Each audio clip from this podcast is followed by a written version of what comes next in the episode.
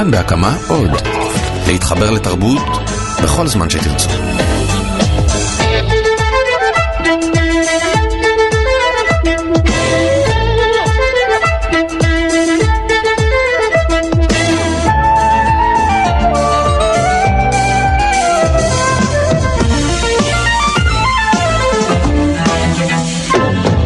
אני מודה לכם שניתן לי לדבר אליכם כאן בבית מכובד זה.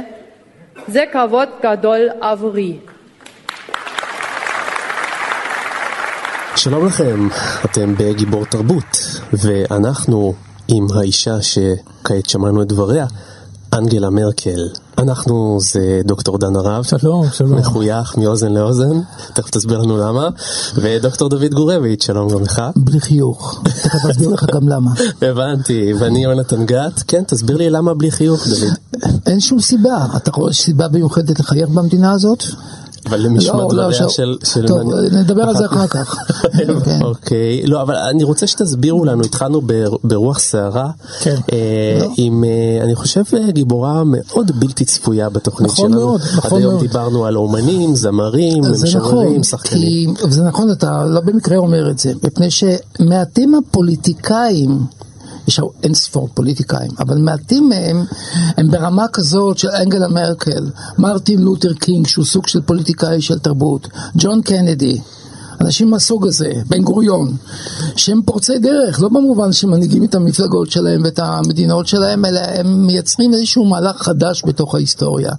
נדמה לי שלכך כיוונו כשבחרנו בגיבורה הזאת. אה, אני רוצה להוסיף על זה ולומר שאני לא רוצה לצנן את ההתלהבות של דוד, בכלל לא, אני לא, לגמרי לא, מלא, לא כדאי לך. אני לגמרי מלא התפעלות מאנגלה מרקל, אני פשוט חושב שזה עוד טיפה מוקדם להשוות אותה לאותם שמות גדולים שדוד הזכיר, ויחד עם זאת אני מסכים? לחלוטין, אני מסכים לחלוטין שמדובר באולי הפוליטיקאית הכי מסקרנת היום.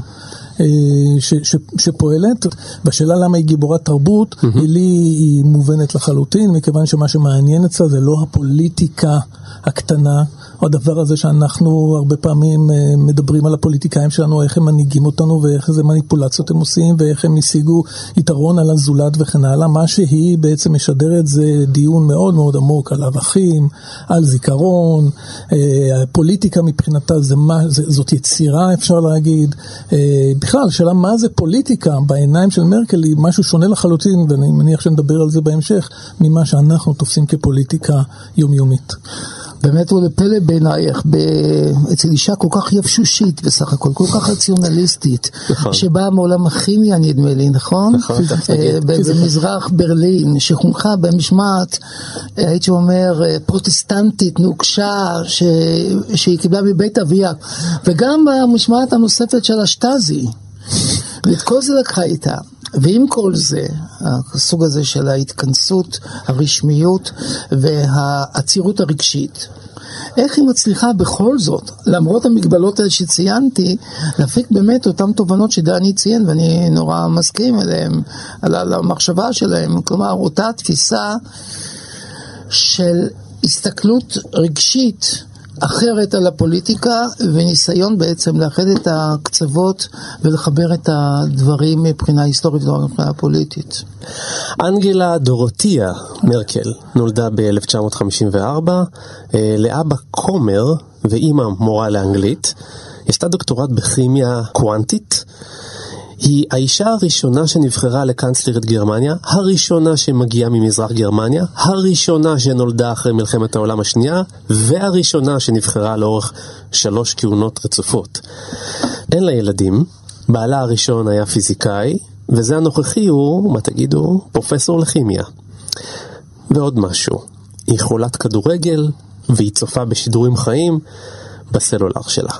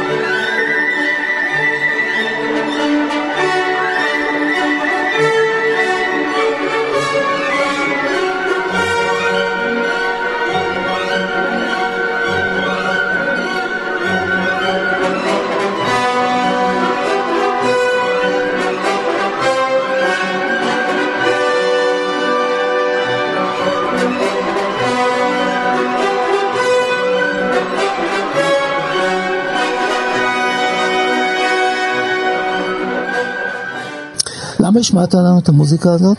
יונתן, אני רוצה לשאול אותך, לראיין אותך רגע. אז שאלה טובה, אתה יודע שכשאני לא, הבחירה היא מצוינת, אבל נראה אם אתה חושב כמוני. לי זה, אליי זה מדבר מאוד בהקשר הזה. באיזה? אהבה שנאה. כשאני למדתי מוזיקה קלאסית, היו הפגנות מחוץ להיכל התרבות על השמעת וגנר.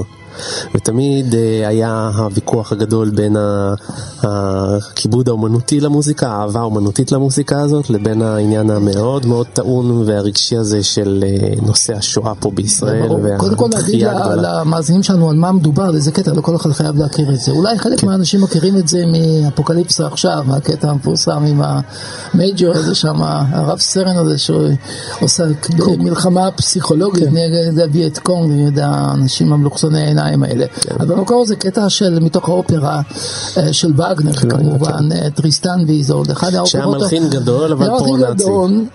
פרו-נאצי, אבל מעבר לפרו-נאצי, הוא ביטא את הרוח הגרמנית, את הרעיון הזה של קהילת עם שמחפש את המיתוסים הקדמונים, מיתוסים של אדם, רצה לשקם כביכול את הגדולה הגרמנית על בסיס של אופרות ובסיס של חוויית מוות חיים. והמוזיקה הזאת, שזה אותם ולקיריות, יליאות הנקמה במיתולוגיה הגרמנית הטפטונית העתיקה, מלוות בעצם את הגורל של גרמניה, אותו גורל שאליו ב-1954, לאחר המלחמה הנוראית השנייה, נולדה אנגלה מרקל, ולכן יש לנו בעצם פריים חיבור, לשיחה. בדיוק, פריים לשיחה. אותנו. כן, זה פריים לשיחה, אבל לדעתי זה קצת אה, בוטה מדי. מכיוון שאנחנו הולכים לדבר על גברת או על מנהיגה שכל ישותה אומרת התנגדות אל הדבר שאתה לא, בחרת זה- להשמיע. אה, בעצם אתה מדבר על גרמניה כפי שהיא נתפסת בדמיון הקולקטיבי, הגרמניה הזאת, הנוקשה. האכזרית, הכוח הזה. אנחנו בעצם מדברים על חוסר מנהיגה, החמלה. הזאת מלאה חוסר זה חמלה, בדיוק והיא. דווקא הפוך אנחנו בעיניי. לא, לא, מדברים, לא אנחנו מדברים על... אבל זאת לא הנקודה, הנקודה היא שזה הפריים לדיון. זה, אחד הפריימים לדיון אולי, ובעצם הדבר שצריך להדגיש, אנחנו עושים תוכנית על אנגלה מרקל, ואנגלה מרקל היא בעצם אנטיתזה מסוימת לדבר הזה, מכיוון שהיא פוליטיקאית מזן אחר. אה, אה, הכוח הוא לא הדבר, היא בוודאי מונעת מכוח. כ- כפוליטיקאית וכמנהיגה, אבל אני חושב שמה שהיא משדרת זה משהו הרבה יותר פשוט, הרבה יותר ערכי, הרבה יותר קרוב לאדמה, הרבה פחות מיתולוגי, הרבה פחות... אה, טוב, אה, היא צריכה אבל להתמודד עם המורשת הקשה לגמרי. הזאת. אז בואו נגיד עליה כמה דברים. מה, מה בעצם הופך אותה לכזאת שהיא מצד אחד גם שמרנית, באה ממפלגה שהיא נוצרית אה, שמרנית במידה מסוימת, מצד שני היא כן אה, פרגמטית, ריאליסטית, בעד זכויות יותר סוציאל לוחמת. דמוקרטית יחסית למה שמצפים מפלגה נוצרית דמוקרטית שהיא מפלגה מאוד שמרנית וכמובן מנהיגה רפורמיסטית שכביכול הולכת נגד הרוח ודרך ה-DNA של המפלגה שלה עצמה. יותר מתקרבת נניח לסוציאליסטים בסגנון של וילי ברנד ואחרים בתפיסה שלו של המהגרים של הזרים. היא האישה היחידה באירופה שהכניסה מיליון אנשים וגם אם אנחנו מבינים את זה כחלק מה, מהרעיון שלה, שהגרמנים לא יכולים לסרב לקבל פליטים אחרי מה שהם הוללו לעולם, עדיין זה מעשה של נדיבות, והייתי אומר סוג של... אה, הייתי אומר, אה, מבט רחוק אל ההיסטוריה כדי לעצב דמיון גרמני חדש לגבי השאלה מה מקומה של גרמניה בתוך אירופה ובתוך הציוויליזציה שלפני כמה שנים קברה את העולם, ועכשיו היא רוצה לעצב אותה מחדש. אני מאוד מסכים עם דוד, אני חושב שאם לא היה עניין הפליטים ולא היה עניין של פתיחת השערים בפני הפליטים, לא היינו מדברים על אנגלה מרקל היום. אני חושב שהדבר שהופך אותה לגיבורת תרבות בעיניי לפחות, ולכן אנחנו עושים את התוכנית הזאת, היא לסמן את הצד המוסרי הזה, את היכולת שלה לפעול נגד הזרם, נגד הזרם ששוטף את העולם המערבי היום. שוטף גם שנאה- את הארץ שלה עצמה. נכון, נכון. יש יום, ב, אתה יודע, ב, אנחנו היינו שם בזה, בסביבה הזאת, שבדרזדן, מפלגה איומה ונוראה, שכחתי את שמה, של ניאו-פשיסטית, שהיא בכל מקום מחכה למרקל וזורקת עליה אבנים וזורקת עליה ביצים ועגבניות, והיא עומדת מול אופוזיציה קשה מבחוץ של הימין הגרמני.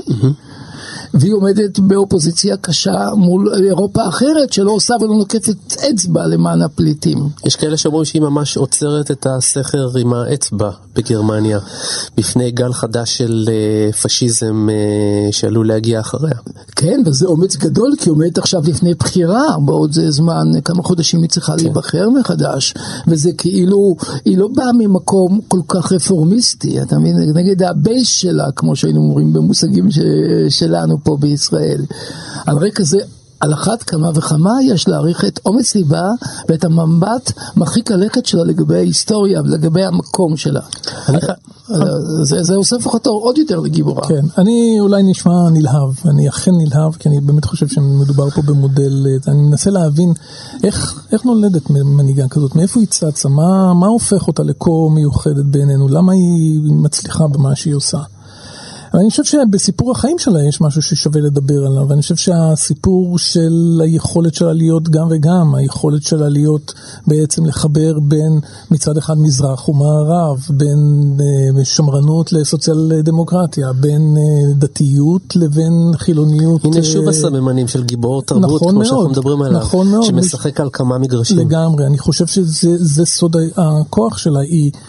היא, היא היום נמצאת בזירה פוליטית, אבל היא קודם כל בן אדם מאוד מאוד פשוט. הסיפורים האלה הם סיפורים מדהימים.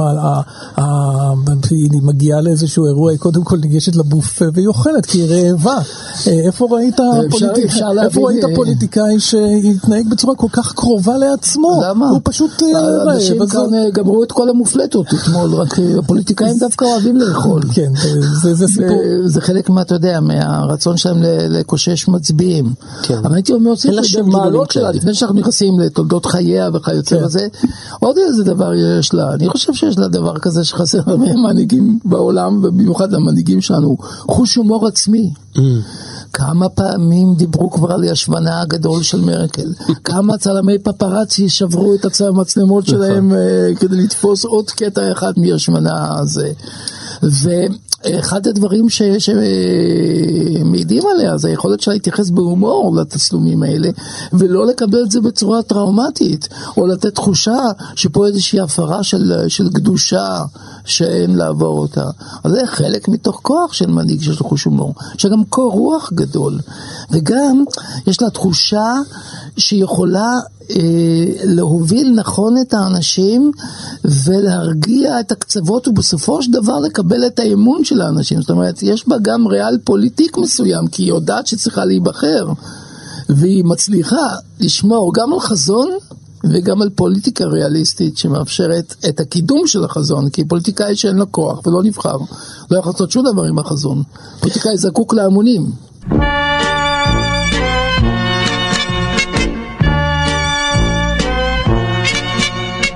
In a sleazy cabaret. Where the clients were so pally, once I sang the night away. That's become the Karl Marx Alley. Dankeschön, comrades, Dankeschön.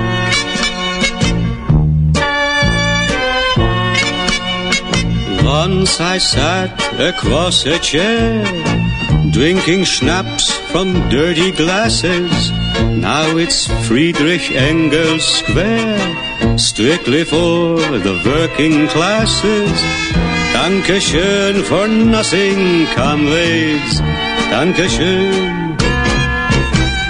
I can't run on heels like this. So come on, boys, one last kiss. Dankeschön for nicht, Kameraden. Dankeschön, auf Wiedersehen, ich liebe dich. אני לא מצליח להבין דבר אחד לגביה. היא בעיניי נתפסת כחסרת כריזמה לחלוטין. כך היא גם נתפסת דרך אגב בכל סקרי דעת הקהל. ולמרות זאת, היא סוחפת, לא סתם סוחפת, אלא שלוש פעמים ברציפות. יש בה משהו מאוד לא זוהר, מאוד לא בגיבורות תרבות הקלאסי שלנו, שאנחנו אוהבים לדבר לא- עליו. היא לא זוהרת, היא לא נוצצת, החליפות לא שלה היא מושא להומור. אני חושב שבאמת אנחנו מדברים פה על מישהי, שאולי, אנחנו לא יודעים, אולי מסמנת זן חדש של פוליטיקאים, אולי לא, אולי תחלוף מן העולם, אבל כך או כך זה לא משנה את העובדה שהיא גיבורת תרבות, בדיוק בגלל מה שאמרת, בדיוק מכיוון שהיא לא גזורה על פי המידות השגרתיות של מה שאנחנו מצפים מפוליטיקאי, מה שאנחנו יודעים שנקבל מפוליטיקאי, שזה מה שאתה אמרת, זה הכריזמה והזוהר והעמדת הפנים, והמניפולטיביות הקטנה, וההתרחקות מן ההמון, מהאדם הפשוט, ו... ואיזושהי תדמית של קבלת החלטות מהירה וכן הלאה. אגב, זה אחד הדברים שמדברים על מרקל. נכון. העובדה שהיא לוקחת את הזמן. לאט. איפה אתה שומע על כן. זה? אני נורא מתחבר לזה. אני באופן אישי נורא נורא מתחבר לעניין שמנהיג אומר, רגע, יש זמן. יש זמן, לא חייבים לקבל uh, החלטות uh, מיד. היא, היא בביוגרפיה שלה כותבת, uh, בביוגרפיה שנכתבה עליה, היא מצוטטת, היא אומרת, כמה פעמים שמעתי שאם אני לא אקבל עכשיו החלטה, יקרה משהו נורא. ואז שום דבר לא קרה. וזה יופי, זה יופי. גם יצחק שמיר היה חושב ככה. אני לא הייתי אומר שהוא לא, יצחק שמיר ידוע כזה שאומר, תראה, שים את זה לשבוע, ואחרי שבוע זה יישאר מזה 10-20 אחוז, בזה נטפל. כן, אבל... שאומר, אז מה אתה אומר על זה, דני? אני אומר. אתה מכיר בטח את זה, על יצחק שמיר. אני אומר ששלפת פה נתון אחד, והפכת אותו לחזות הכל. אבל אני שואל, כאילו, מה דעתך? אני לא, לא אומר ש... יכול להיות שבאספקט הזה של שב ואל תעשה, או קח את הזמן לפני שאתה מחליט, אני חושב שיש הבדל בין השניים, אוקיי? אני חושב ששמיר היה יותר שב ואל תעשה, אוקיי. מרקל זה יותר לקחת את ההחלטות. לא, היא אדם שלוקח את ההחלטות. אבל היא גם, uh, מנסה ליצור קונסנזוס סביב כל החלטה שהיא עושה. זה מה שאמרתי, היא, היא מצליחה לאחד את אירופה, היא הצליחה לאחד את העם שלה סביב ה... משא ומתן עם יוון על התמוטטות גוש האירו ולהשאיר את יוון בפנים. היא הצליחה מול אירופה מול התביעות של עכשיו של, של בריטניה לברקזיט לצאת מהדבר הזה. זאת אומרת, בעצם היא היום המרכז של אירופה. מה שמחזיק את אירופה זה לא הצרפתים שתמיד הם כרוח קלה עצבניים וכל הזמן רק רוצים אה, לאכול טוב וזה mm. ולישון טוב. מדבר במבטא צרפתי, שמת לב כן. אלה אנשים גרמניים אה, פשוטים יחסית עם כוס בירה, סליחה על האסוציאציות, כן. ומרקל שייכת להם, אבל אתה יודע, אני רוצה להגיד לך, אני רוצה להגיד לכם בעצם. אנחנו שואלים כל הזמן את השלב, ובצדק, מה הופך גיבור תרבות לגיבור תרבות? כי זה בעצם המישן שלנו כאן בתוכנית. אני חושב שאחד הדברים שמייצג גיבור באופן כללי, וכמובן גיבור תרבות, זה רמת הסכנה שהוא לוקח על עצמו. אנחנו אמרנו את זה תמיד, בכל מקום. נכון. שהגיבור הוא אחד שהולך על דרך המלך שעוברת על פי תהום. יכול להיות שהוא יצליח ויעשה הפקעה היסטורית, ויכול להיות שהוא ייכשל ויפול לתהום. זה מה שעושה מנהיג. לוקח רמת סיכונים גבוהה. היא עושה את זה. היא עושה את זה. היא עושה את זה גם עם גוש היור, היא עושה את זה גם עם הפליטים. בטוח שהיא מצליחה והיא מוכנה לקחת על עצמה. תחשוב על הרעיון של הסכנה הגדולה שהיא עמדה מול שלטונה עם הגוש הזה של כן. הפליטים. לא, אני מדבר על הפליטים בעיקר. מילא גוש היור, אבל מיליון אנשים שהגרמנים שונאים אותם בחצר האחורית שלהם. האנשים האלה שהם כל כך חובבי סדר, חובבי ניקיון, מזמנים שאנחנו מכירים אותם, כן. פתאום מקבלים כל כך הרבה ערבים וטורקים וכיוצא בזה, זבי חותם שם במחנות ובכל מיני מבני ציבור כאלה, בפרברים של הערים שלהם. והיא עומדת מול זה, והיא אומרת, אנחנו צריכים לעשות את זה. זה חלק מה, מהביטחון הלאומי של גרמניה, לתמוך בחלש. לחשוב שחלק מהביטחון הלאומי שלך זה להתייצב למען האחר, תשמע, זה לא פחות מגדולה. במיוחד מול הארץ שלה שהיא שמרנית, דוחה זרים, שונאת מוסלמים, קודם שנאה יהודים, עכשיו שונאת מוסלמים וכיוצא בזה, אתה מבין את זה. אז זה, זה, זה באמת עוצמה גדולה. תחשוב רגע אחד איזה, איזה אישה חכמה זאת, תחשוב איזה השפלה עשה לה טראמפ. שאם הוא שיטה לו את היד ואומר הצלמים רוצים שנלחץ את היד, הוא לא מגיב, הוא לא מגיב. אז היא מגיבה בהומור, אומרת, אני מבין שאתה לא ניצלת את ההזדמנות הזאת, חד פעמית שהייתה לך, או משהו מהסוג הזה, היא לא אמרה את זה, היא אמרה משהו כן, אחר, היא לא התעלמה מזה, לא עשתה מזה עניין, היא מבינה שהבן אדם הוא פסיכי, היא לא צריכה להתעמת איתו על זה, היא חושבת על, היא מפוקסת מטרה, היא כן, לא כן. ניתן לרגשות שלה ולעלבונות שלה להוביל אותה, נכון. היא פוליטיקאית מצד אחד, ומצד שני, יש לה את ה... את מה שצריך פוליטיקאי גדול, זה להסתכל הרבה, הרבה מעבר למה שקורה היום. תמיד אל השאלה מה אני עושה ולאן אני מובילה את העם שלי, והיא מובילה אותו למקום טוב.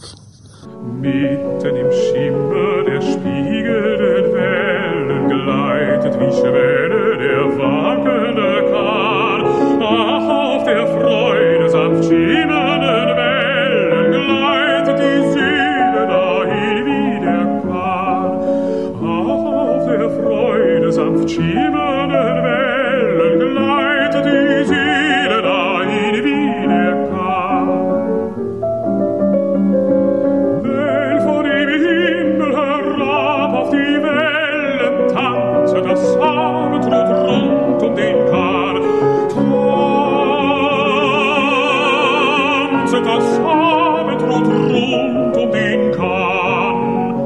כשאנחנו מדברים על אנגלה מרקל, אה, אי אפשר שלא מיד להשוות, או לחשוב לפחות, על מרגרט תאצ'ר. זה די טבעי, לא? כן. כמה אגב- כבר נשים מנהיגות בסדר גודל כזה יש באירופה ב- נכון. בחמישים אגב, השנים האחרונות? יש- דרך יש- אגב, מרגלה מרקל עכשיו מסיימת את השנה ה-11, ומרגרט תאצ'ר גם כן שלטה 11 שנים. גם כן שלוש קדנציות, וגם כן אנחנו מדברים פה על אישה חזקה שבאה ממפלגה שמרנית. אה, נכון, אנחנו מדברים על שתי נשים שמנהיגות, אה, הנהיגו אה, מדינות גדולות ומשמעותיות ודומיננטיות באירופה, ואני חושב, אה, יונתן, שהדמיון הוא לא כזה, הוא לא כזה גדול. נכון. אני לא הייתי אומר לא שאנגלה. מרקל הוא אשת הברזל, כפי שכונתה מרגרט תאצ'ר, ואני לא חושב שהחשיבה של אנגלה מרקל היא באיזשהו אופן דומה לחשיבה הפוליטית-כלכלית של, אה, של תאצ'ר. תאצ'ר, אני זוכר שאחד המשפטים שנקשרו בשמה זה ש... אה, אין, אין חברה, יש רק אינדיבידואלים. אתה, אתה יכול לדמיין, זה, זה כאילו תפיסה ליברלית קיצונית. הניאו-ליברלית, ה- ניאו-ליברליזם כן. קיצוני. כן, זה ניאו-ליברליזם קיצוני, זה, זה תפיסה שהיא מקוממת, היא קוממה בשעתו, אגב, אה, אה, תאצ'ר הצליחה באמת לפרק במובנים עמוקים את הסולידריות הבריטית, את המבנים של, של, של, של השידור הציבורי בהיבט מסוים שלו ועוד דברים אחרים בתוך האבטלה מאוד גדולה וכן הלאה, הפרטה מאוד גדולה. זה לא הסיפור של, של מרקל, מרקל היא הרבה יותר, מה זה, היא הקוטב השני, היא בן אדם הומניסטי קודם כל, היא בן אדם עם אה, רמת סולידריות מאוד מאוד גבוהה עם, ה, עם הנתינים, נקרא לזה ככה, עם לתאצ'ר האזרחים. בכלל לא אכפת היה מה אנשים חושבים. בדיוק, הייתה- אנשים אני היו חושב שורפים פחי זבל בחוץ, היא הייתה ממשיכה עם כן. אמת הנאומים שלה. ויציב, אני חושב שתאצ'ר, מה שהיא סימנה זה האטימות המושלמת. כן. מה שמסמנת אנגלה מרקל זה הפתיחות והיכולת לאמפתיה. למרות היובש שלה, זה אומר דבר נכון. אחר לגמרי. אה, שנאת זרים, זה תאצ'ר. נכון. חרחור מלחמה, מלחמת פוקלנד, רשומה על שמה. שוחרת שלום, אנגלה מרקל. האדם שמייצב את העוצמה הבריטית לעומת האדם שמייצב, כלומר בנפרד מאירופה, והאדם שמייצב את העוצמה של גרמניה בתוך העוצמה של אירופה, מרקל. כן. אמ, האדם שפתוח לסוציאל דמוקרטיה, מרקל. האדם שאטום לכל דבר של זכויות הפועלים, האדם שדיכא באכזריות את, את, אה, שביתת הקוראים בבריטניה.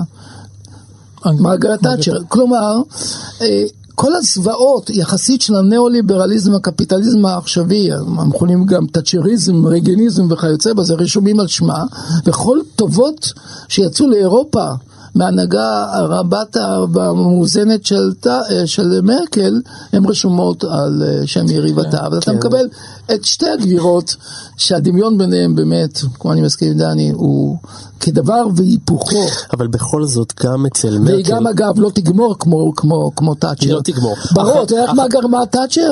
שהשרים שלה בממשלה שלה איימו עליה שהיא צריכה להתפטר, והיא התפטרה, נכון, נכון. וזרקו אותה. וגם אחרי מרקל, לכלבים.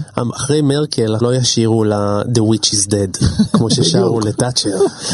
לחלוטין לא, אתה יודע, אבל כן משהו אחד אני יכול למצוא לך אצל מרקל שמזכיר קצת את תאצ'ר. מה- מה זה? זה מעניין אותי מאוד.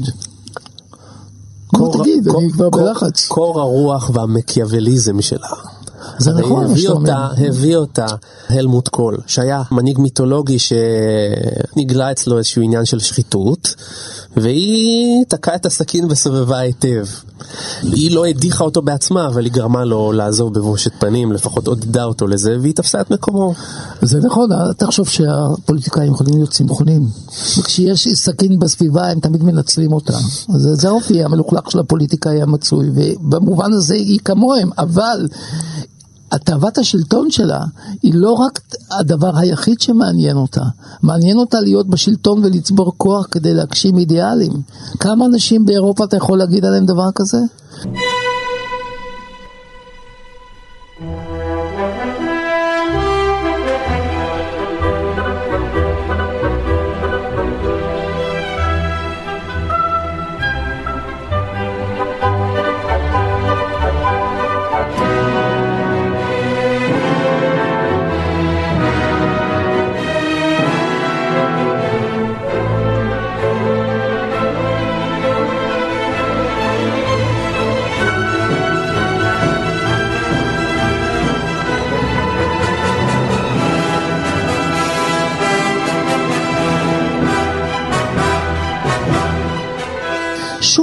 המחשבה האידיאליסטית, אני חושב שקושר אותנו ל- ל- ל- להתחלה שלה, לתולדותיה, במזרח גרמניה, וכל הסיפור שלה. היא לא באה ממערב אה, ברלין, כן. מקומות אבל אחרים. מה זה אומר שהיא באה מהמזרח? מה זה אומר? למה זה מה כזה מפתיע? מה זה אומר? קודם כל, צריך להבין שהיא באה משני מקורות. מצד אחד היא באה מהמזרח, וזה אומר היא באה ממשטר קומוניסטי. כן. מצד שני, היא באה מהמזרח, אבל לא מהמזרח הקומוניסטי והאתאיסטי, אלא מהמזרח הדתי, הדתי, נוצרי. שהשלטון הקומוניסטי ניסה לחיות איתו באיזושהי צורה של מודוס ויבנדי, מין כזה שיווי משקל עדין. לאבא שלה אה, היה, הייתה כנסייה אה, שהוא שיקם אותה וסידר אותה, והבת זוכרת כל הזמן את הדרשות שלו, ובסופו של דבר גם את המתח המסוים שהיה תמיד בין הכנסייה לבין המשטר המזרח גרמני. אז היא באה ממזרח גרמניה בשני המובנים האלה, גם מהמקום של השטאזי והשלטון ה... של הקומוניסטים, וגם מהמקום של המתנגדים שלהם. המקום הזה של הדת, של הפרוטסטנטיות, של האמונה, של האידיאלים, וחוסר הרצון לקבל את הסיפור הקומוניסטי ופשוט לחיות איתו. יש עוד הבדל אחד מאוד מאוד בסיסי בין מזרח ומערב, שאנחנו, שאסור לנו לשכוח אותו, וזה היחס לשואה בעצם. הסיפור של המזרח הוא סיפור של הכחשה. השואה היא לא אנחנו, השואה נעשתה על ידי המערב גרמנים, השואה היא סיפור של הקפיטליזם, השואה היא בכלל, בתוך מזרח גרמניה לא מדברים על השואה, ואם מדברים, מדברים על הנזק שעשו הגרמנים לקומוניסטים, לא ליהודים. הסיפור הזה מודחק לחלוטין בתוך הנרטיב המזרח גרמני. אני מציין את הדבר הזה כי אחד הדברים המעניינים שצריך לדבר איתם על מרקל, וזה כמובן קשור ליחס שלה לפליטים, זה כל היחס שלה לזיכרון השואה. כן. זה אני חושב סיפור מאוד מאוד גדול שאנחנו לא יכולים שלא להרחיב עליו היא מעט, לוקחת את זה מעט מאוד ברצינות. היא לוקחת את זה מאוד לפחות ברצינות. בפרפורמנס שלה. לוקחת את זה מאוד כן, ברצינות, אבל כי, כי הסיפור כן. הזה הוא לעולם יהיה חלק מההיסטוריה של גרמניה, וזה, אה, אתה יודע, הזיכרון של השואה הוא עובר כל מיני תהליכים בגרמניה. כמו פה, להבדיל אלף אלפי הבדלות, בשנים שאחרי המלחמה לא דיברו על המלחמה. כן. הדחיקו אותה לחלוטין. אה, קצת כמו פה, כמו בישראל אני מתכוון, אה, מי שפתח את השיח אודות האחריות הגרמנית על השואה היה בעצם הדור השני, וזה קרה במידה רבה בשנות ה-70. בשנות ה-70, בשנות ה-80, האנשים מתחילים לשאול איפה היו ההורים, אני מדבר על מערב גרמניה עכשיו. איפה היו ההורים שלנו, מה חלקנו וכן הלאה. הנושא הזה של כפרה, הנושא של לימוד השואה כחלק ממערכת החינוך וכן הלאה. זה נכנס נורא נורא חזק. והגרמנים רואים את עצמם כמי שצריכים אה, לשלם איזשהו מחיר, לא רק מחיר כלכלי, מחיר מוסרי, כן, ו- ולהמשיך לחנך את הילדים שלהם על ברכי מה עשינו ובמה חטאנו. היום בגרמניה אנחנו מתחילים לזהות זרמים אחרים, זרמים שאומרים די, מספיק. מהמם. שילמנו מספיק. שילמנו מספיק, גם כלכלית, גם נפשית, מוסרית, שילמנו מספיק, אי אפשר למשוך את הסיפור הזה לנצח, אוקיי? יש כבר עייפות מן הדבר הזה, יש זרמים ימ, ימניים שמזהים את ישראל דווקא עם כוחות האופל, ולא רואים את החיבור הזה בין, אה, בין זיכרון השואה ל- לישראל. ואיפה היא, איפה היא נכנסת היא בסיפור הזה? מאוד, היא... היא מאוד מאוד חזקה במקום הזה של להנציח את האחריות הגרמנית לשואה. היא ממש מתאמצת בעניין הזה. ממש כך, ממש כך, ו, אה, ו, ואני חושב שחלק מההתנגדות שלה מבית נובעת בדיוק מן הדבר הזה. בדיוק מן הדבר הזה, בדיוק ממה שנתפס הר, הרבה פעמים עדיין כ... אם אתה... אם אתה בעד הנצחת השואה, אם אתה, אם אתה יושב על הנקודה הזאת בגרמניה, זה אומר שאתה בעד ישראל. והמקום הזה היום הוא לא מקום טבעי. אה, ישראל היא לא נמצאת בנקודת הזמן של, של, של הכי פופולרית נגיד. הכי פופולרית, היא- מתי הייתה שם פופולרית? אולי ב-67, וגם כן בשמאל החדש באירופה לא הייתה פופולרית. כן. אבל uh, אני חושב שהסיפור הזה עם היהודים והזרים ומרקל הוא מורכב מאוד. שימו לב מה שקורה בגרמניה.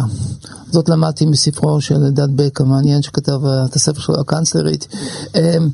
המפלגות הימניות, הקיצוניות בגרמניה, קוראות ליהודים להצטרף אליהם בשנאה האסלאמופובית שלהם. זאת אומרת, היהודים של פעם, שהיו הנרדפים, נקראים היום להיות הרודפים החדשים להצטרף לימין. הדבר הזה לא מצחיק. היו כמה יהודים שהיו גם חברים במפלגה הנאצית בזמנו, כשהיא התכוננה, והגיעה לשלטון. אבל מרקל עומדת כנגד כל המגמה הזאת של שנאת זרים, בין אם זה שנאת יהודים, שיצרה טראומה גרמנית לעולם כולו, ובין אם שנאת זרים אחרת. ולכן היא מכניסה את הפליטים. כאן היא ייחודית לגמרי, מבחינת המקום שלה והמעמד שלה בתוך ההיסטוריה. ושלום לממלאת מקום ראש הממשלה ושרת החוץ לשעבר, חברת הכנסת ציפי לבני. שלום רב. איזו אנגלה מרקל פגשת בתפקידך כשרת חוץ? פגשתי מנהיגה, אה, פגשתי מישהי שאומרת עמדתה, אה, לא משחקת משחקים, אה, ופועלת מתוך מניעים פנימיים ואיזה מין מצפן של ערכים, שמאוד קשה למצוא אותו בהנהגת העולם בכלל. אה, יכול להיות שזה עניין יותר של נשים בתפקידי הנהגה, אבל זה היה מאוד בולט בכל המפגשים שלי איתה. תיארת אותה בצורה מאוד מאוד תמציתית, ואני רוצה לשאול שאלה שנוגעת אל הקשר שלך איתה, כי אני חושב שיש משהו, יש איזשהו דמיון, תגידי לי אם אני מדבר שטויות בין שתיכן, במובן הזה ששתיכן, הייתי אומר, עשיתם איזשהו מסע מ... לא יודע אם לקרוא לזה שוליים, אבל מאיזושהי אידיאולוגיה אל משהו שהוא יותר פרגמטי ומרכזי. מרקל עשתה את המסע הזה מהקומוניזם בעצם, את עשית את זה אולי מהרוויזיוניזם, ושתיכן היום נמצאות במקום שהוא, נדמה לי, הרבה יותר, אה, כן, פרגמטי, אין לי מילה יותר טובה אני- מזה. את אני מסכימה? דווקא רוצה קצת, לא. לא, לא, לא מסכימה. אה, לא, קודם כל ההשוואה היא מאוד מחמיאה, אה, אבל זה לא מסע אה, ממקום אידיאולוגי למקום פרגמטי. אוקיי, אה, כי עדיין דווקא תיארתי אותה כמי שמקבלת החלטות שהן החלטות אה, מאוד ערכיות, לא החלטות פוליטיות. וגם אני אה, מקבלת את ההחלטות שלי מתוך תפיסה שהיא תפיסה אידיאולוגית של אה, מערכת ערכית שמחייבת אותי לקבל את ההחלטות האלה. זה לא אה, תפיסה שאומרת, טוב, זאת האידיאולוגיה, עכשיו המציאות היא כזאת, אז נתפשר בה. ואני חושבת שכך אה, גם היא פועלת, והיא קיבלה החלטות אה, שהיו ערכיות ומאוד פגעו בעיין ערך אה, הפליטים כן. ותפיסות מהסוג הזה. ואני נזכרת בסיטואציה שהייתה בסיום מבצע עופרת יצוקה, אה, שבה ראש הממשלה דאז אהוד אולמרט אה, מזמין אליו את כל אה, ראשי המדינות האירופאים שהיו בדרכם אה, לשארם א-שייח גם לפגישה, מגיעים לירושלים, לבית ראש הממשלה, ויושבים שם מרקל וברלוסקוני וסרקוזי, ונדמה לי שזה בראון הבריטי והספרדי, והם מתחילים לדבר, אז בואו, על מה הצרפתי, איטלקי, בריטי וישראלי מתחילים לדבר, דברים. מתחילים בכדורגל, כן. אני יושבת, לא, אני שרת החוץ, יש כאן ראשי מדינות, ובאיזשהו שלב היא ככה אומרת, אה, אוקיי, בסדר, מה ההחלטות שאנחנו עכשיו צריכים לקבל כדי, כדי להתקדם?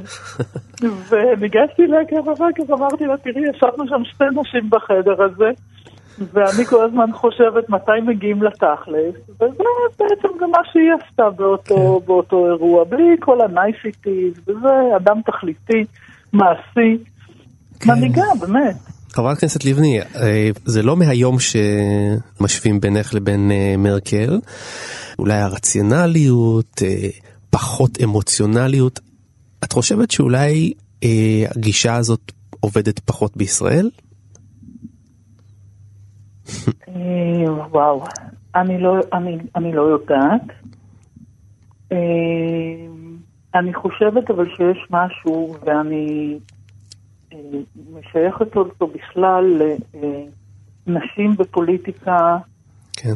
אה, לי לפחות לקח הרבה מאוד שנים, נגיד, להיפתח יותר, אפילו לנהל את השיחה הזאת איתכם. כן. כי במשך תקופה אנחנו נדרשנו גם להיות כאלה, ופחות רגשניות, או מגלות לפחות את אותם רגשות שיש בכל אחד, בכל אחת ואחד מאיתנו. כן. אה, כי כשגבר אה, מגלה את הפן הרגשי שלו, אז זה נורא חביב, אומרים, טוב, בתוכו בכל זאת יש אה, משהו, כן, משהו רגיש. אה, ואצל אישה זה נו, שוב היא מפגינה חולשה. אבל בפוסט פמיניזם, רגע, אבל בפוסט פמיניזם כבר מותר לנשים גם לגלות חולשה וסוג של מיוחדות, ולא להיות כמו גבר, כאילו, לא? כן, תגיד פמיניזם. את זה, תגיד את זה, תגיד את זה לאלה שעדיין חושבים שביטחון מושג על ידי אה, גברים אה, כן. שמדברים בטון אה, בריטון או משהו כזה. כן. אבל אה, אני חושבת שאולי אם אתה מדבר על, אני באמת לא, לא, קטונתי, לכן אני לא רוצה לעשות את ההשוואה, אבל אני חושבת שבגלל שהיא באה ממקום שגם כל הסממנים החיצוניים היו בו לא רלוונטיים. מהמם. כן. אה, ואני באופן מסוים אה, גדלתי במקום דומה, שהוא יותר סגפני, יותר ספרטני, אה, יותר הבגד שומ- האדם. שומר על פרטיות. יותר צריך, שומר על פרטיות, יותר צריך לגדל פה ילדים חזקים כי יהיה פה קשה, שאלה הדברים של אימא שלי. כן. אז, אז, אז יכול להיות שהסביבה המשפחתית שלי הייתה אולי אה, יותר דומה באמת לאורח החיים היותר ספרטני, מדוד ואחר שהיה באמת במזרח אירופה. את יודעת, אני זוכר ראיון שלך בשנת 2009, ששאלו אותך שאלה מאוד אה, קטנה, שאלו אותך אה, על זה שאת אה, אוהבת אה, ל- לתופף.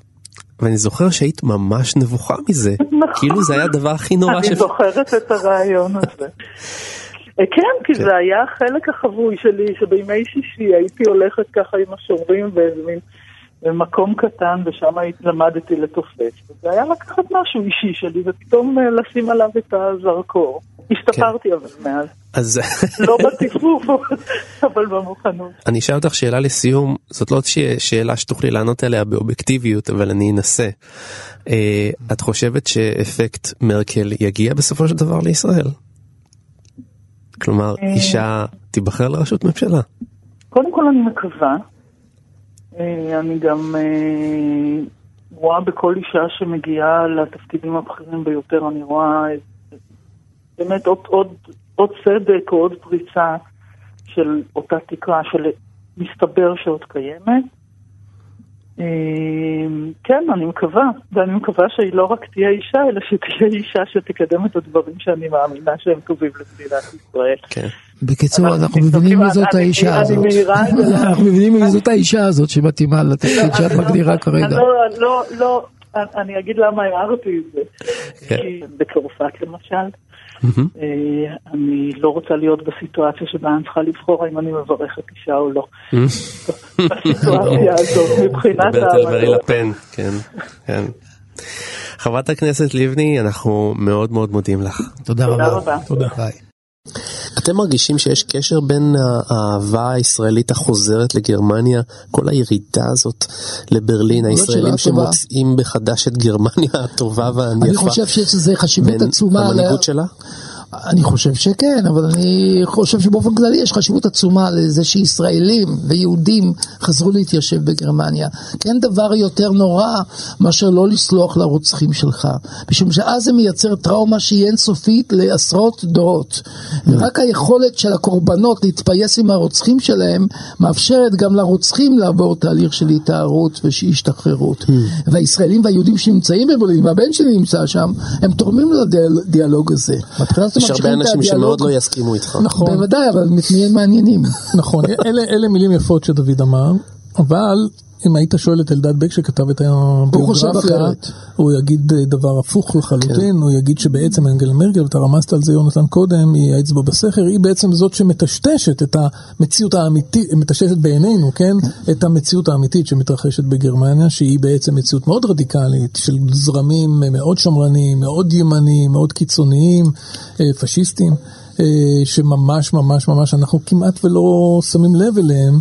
כן, אלא זה לא מדווח אצלנו. אלא גם. דרך כן. הסיפור של הפליטים, של ההתנגדות לפליטים, שכמו שדוד אמר קודם, אנחנו די, די יכולים להזדהות, כי אנחנו יהודים, אנחנו אנטי-אסלאמיסטים וכן הלאה. אה, אז זה מצב מאוד מאוד מורכב. להגיד לך מה יהיה איתה, אני לא יודע. להגיד לך, אני רוצה לקוות שהיא לא one off, איזה משהו, אתה יודע, חד פעמי שהפציע בשמנו וייעלם כלעומת שבא. אני רוצה להאמין שהיא מסמלת איזושהי פוליטיקה חדשה באירופה, איזושהי פוליטיקה חדשה שהיא הרבה יותר הומניסטית, הרבה יותר פרגמטית, הרבה יותר משלבת מזרח ומערב, ימין שמאל. אה, שמרנות וסוציאל דמוקרטיה וכן הלאה, איזושהי, אה, באמת, איזושהי הסתכלות חדשה על הדבר הזה, אה, ישירות, פשטות, אה, ימים יגידו, לא יודע.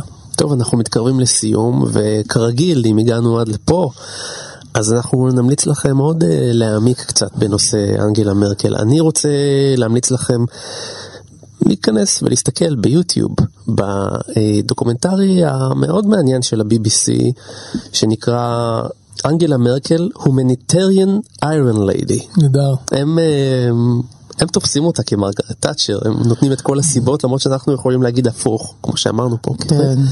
דוקו מאוד מעניין, אה, טוב. כדאי מאוד לראות. אני רוצה להמליץ לאנשים, בשביל להבין את אנגלה מרקל, שקודם כל ייסעו לברלין.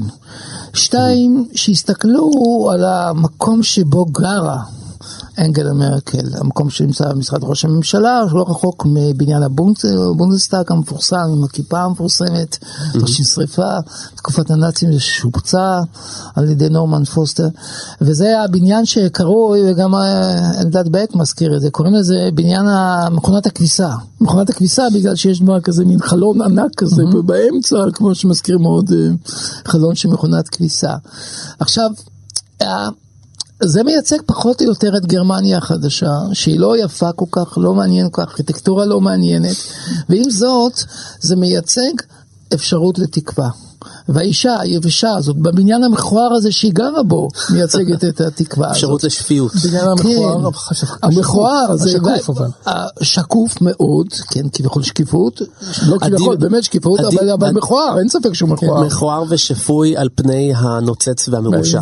בדיוק, ועל ידי כך שהם יבואו לזה, הם יקיימו את הדיאלוג הזה עם הגרמנים, יכירו את, את, אה, את מרקל ויבינו את החשיבות של הקשר עם הגרמנים, בניגוד לכל תפיסה אחרת שצריכה להכין. אז אני, ההמלצה שלי לבקר אצל מרקל, קרוב לבית שלה בברלין, עוד יגידו שאתה.